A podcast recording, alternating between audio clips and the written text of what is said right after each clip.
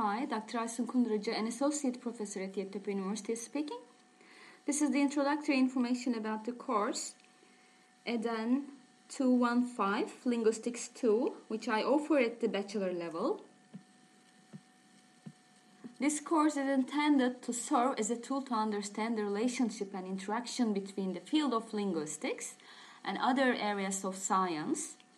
In this course, we explore how language sounds are produced and organized structurally, how human language is acquired and processed in brain, how it changes over time, and how it is relevant to computing.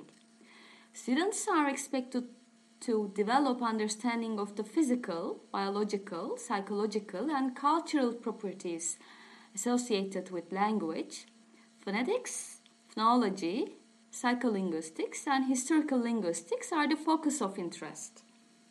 You will have access to the course files, materials, and other relevant information once we've met. Thanks.